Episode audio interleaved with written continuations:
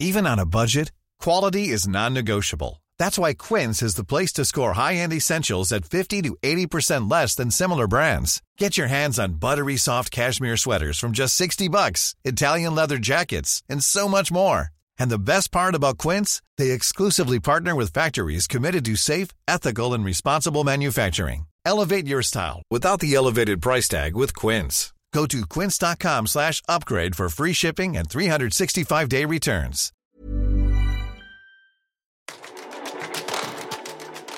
Hei og velkommen til Teknologitrender, podkasten som tar et entusiastisk, men også et kritisk blikk på hvordan teknologi og digitalisering endrer og påvirker våre liv og næringsliv. Episoden presenteres av Episenter, Oslos hub for digital innovasjon og et økosystem for innovative selskaper i vekst. Gå inn på episenteroslo.com og bli medlem du også. Tyngdekraften har endelig inntatt Mark Zuckerberg og hans Meta, og så langt har Web 3.0 vist seg å være verken bra eller nødvendig for kloden, demokratiet eller velferden. Rett og slett ikke spesielt bærekraftig, iallfall ikke i 2022. Alt som har med Web 3.0 å gjøre, ser ut til å implodere, og alt ser ut til å ha implodert bare i løpet av de siste dagene. Iallfall har imploderingen kommet frem i lyset nå i det siste.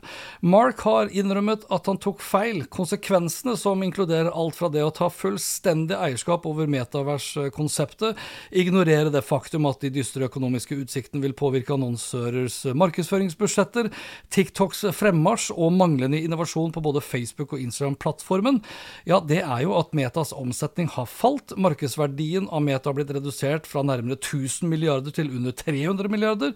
Og verst av alt, de enorme kostnader relatert til metaverssatsingen, kombinert med de fallende inntektene, har også da ført til at Mark nylig måtte sparke over 11 000 ansatte. Snakk om en god uh, førjulspresang der, altså.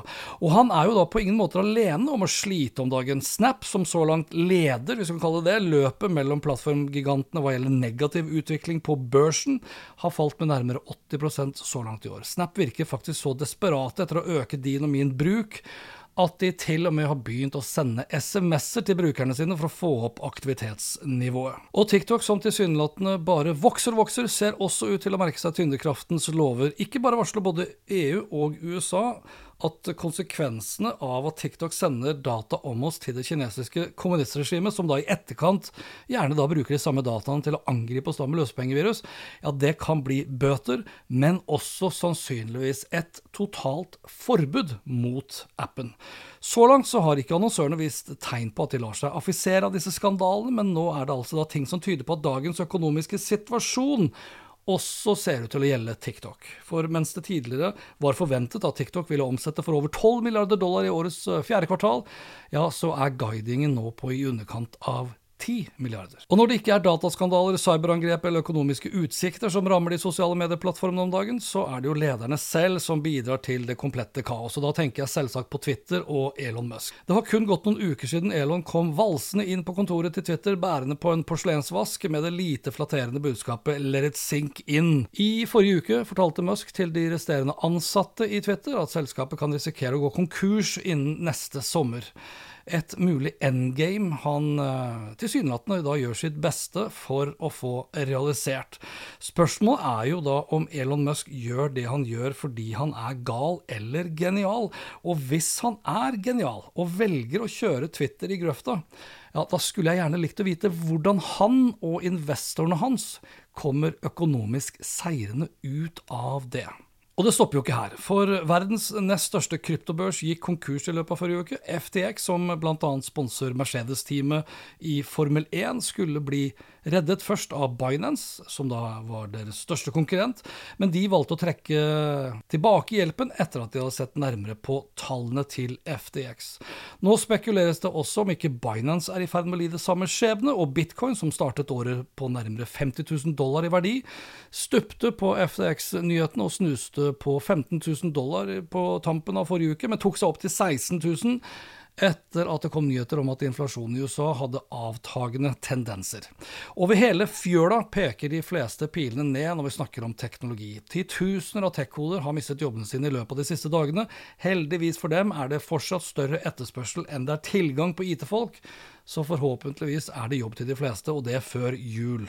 Gitt at de er villige da til å komme seg tilbake på kontoret igjen, for den nye normalen er jo da selvsagt ganske så lik den gamle. Lederne vil ha de ansatte på kontoret. Det ble satt uh, også en annen rekord i forrige uke, og den også da av det negative slaget. Amazon ble faktisk da det første selskapet i verden som har mistet mer enn 1000 milliarder dollar i verdi på ett år.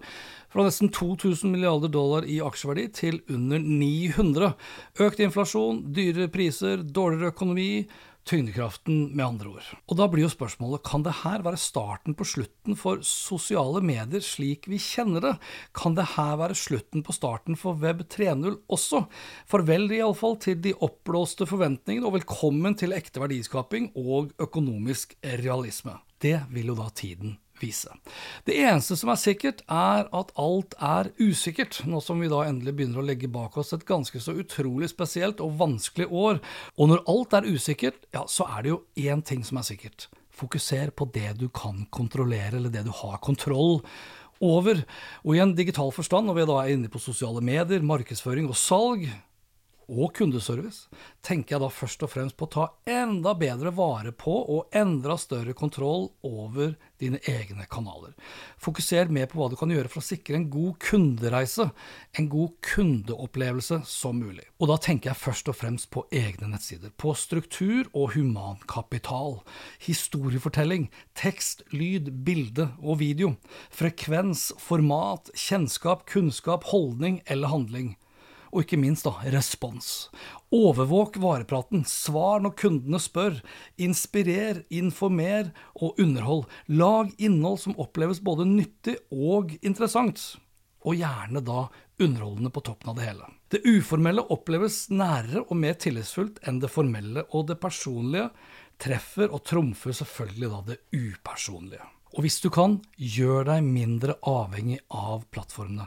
Det er ikke bare innholdet på sosiale medier som ofte nå er flyktig, men historien i løpet av 2022 har jo også vist seg at plattformene i seg selv begynner å bli flyktige. Bruk heller mer tid på egne nettsider, på nyhetsbrev og gjerne også da på SMS.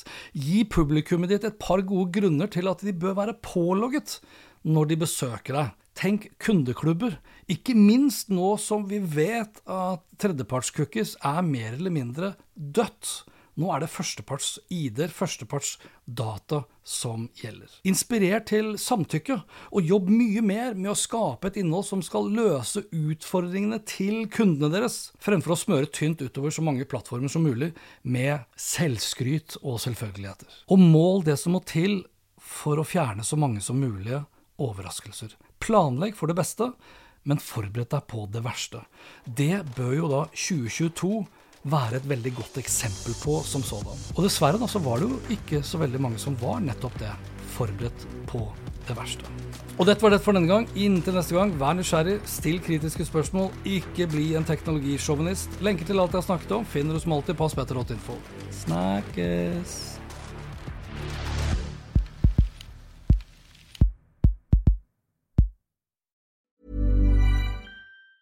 Planning for your next trip? Elevate your travel style with Quince. Quince has all the jet setting essentials you'll want for your next getaway, like European linen, premium luggage options, buttery soft Italian leather bags, and so much more. And it's all priced at 50 to 80% less than similar brands. Plus, Quince only works with factories that use safe and ethical manufacturing practices. Pack your bags with high-quality essentials you'll be wearing for vacations to come with Quince. Go to quince.com slash trip for free shipping and 365-day returns.